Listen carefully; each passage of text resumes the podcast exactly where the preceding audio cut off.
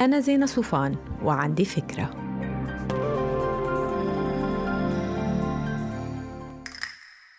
في إحساس دايما بأنه كلمة ميزانية هي مرادف للتضييق المالي وشد الحزام والحرمان.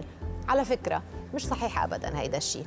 بالعكس الميزانية هي أداة من أدوات التحرر المالي لأنها بتمثل التخطيط السليم اللي بيخلي تحقيق الأهداف ممكن.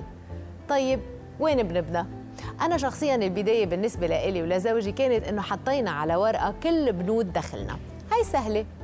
جنبها كتبنا بنود مصاريفنا وهاي نوعين من المصاريف. اكتشفنا لما قعدنا نملى جدول إنه ما بنعرف غير أرقام المرتبات وأقساط المدارس والأجار. أنا برأيي في مرحلة قبل مرحلة وضع الميزانية مرحلة بتتطلب أنه نرسم خريطة مصاريفنا الحالية لكن حتى تتحقق هاي المرحلة بنجاح لازم نتعهد بأنه نلتزم بعدة أمور. أول شيء لازم نتأكد أنه كل قرش انصرف تسجل بطريقة ما. نحن بدأنا بالتسجيل آخر كل يوم لكن بصراحة بعد أسبوعين صرنا نكتشف أنه في أشياء نسيناها فقررنا أنه نعمل شيء تاني. لغينا لمدة ست أشهر الكاش من حياتنا تقريبا واعتمدنا على بطاقة ائتمان طلعنا عليها بطاقة تابعة وحمل كل واحد فينا بطاقة وصار تجي لنا الرسائل المكتوبة على الموبايل كل ما اشترينا شيء.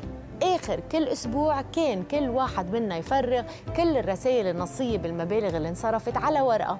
ولأنه الرسالة بتحدد مكان الصرف ممكن مباشرة الواحد يحط المبالغ بالخانات الخاصة فيها سواء سوبر ماركت، ملابس، مطاعم، إلكترونيات، تجميل أو غيرها. بآخر كل شهر أول شيء كنا نعمله إنه نمر على المول نقفل كاش بطاقة الائتمان وبعدين بالبيت صرنا ننقل أرقام الشهر على جدول بسيط تيبل عملناه على الكمبيوتر في كل البنود اللي أصلا اكتشفنا إنه في البعض منا نسينه تماما.